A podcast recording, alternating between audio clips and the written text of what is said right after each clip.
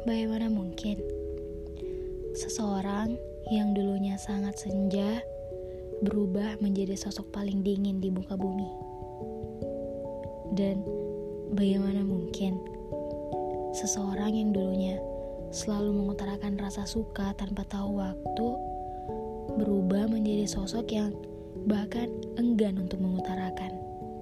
Entah karena apa, saya pun ikut bingung. Dan butuh beberapa waktu baru saya sadar bahwa perubahannya itu ternyata disebabkan karena adanya orang ketiga di antara kami. Yang katanya hanya sekadar teman, berubah menjadi perusak hubungan tanpa tahu malu. Menjadikan embel just friend sebagai alasan untuk tetap dekat dan mencari perhatian. Hebat ya mereka. Saya nggak habis pikir seperti apa sih pikiran orang-orang yang tega ngerusak kebahagiaan orang lain. Hey, ngerebut kebahagiaan orang itu nggak keren tau. Tapi nggak tau kenapa masih banyak yang ngelakuin itu kok. Aduh, dasar manusia aneh. Tapi semisal nih, hal ini terjadi juga di hubungan kalian. Tapi semoga enggak deh amit-amit. Tapi jangan terlalu menyalahkan orang ketiga ya.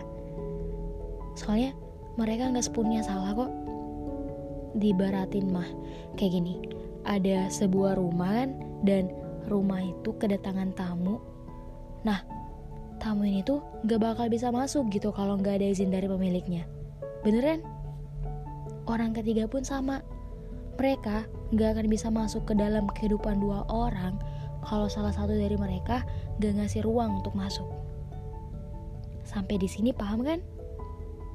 Saya gak mau gitu sepenuhnya menyalahkan orang lain karena mungkin pasangan kita pada saat itu juga yang ngebiarin semuanya terjadi, yang nge-welcomein orang ketiga ini.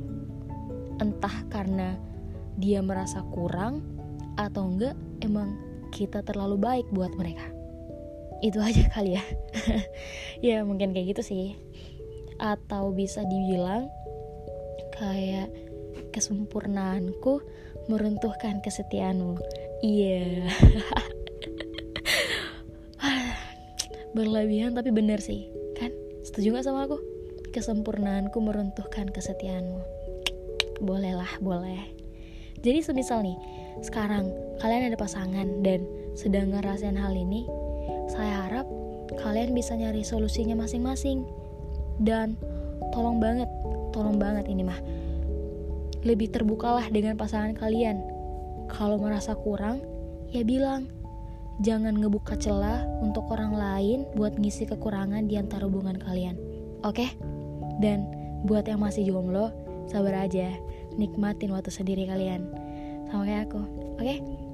Jadi sekian dulu deh podcast dari aku. Sampai bertemu di podcast selanjutnya. Bye.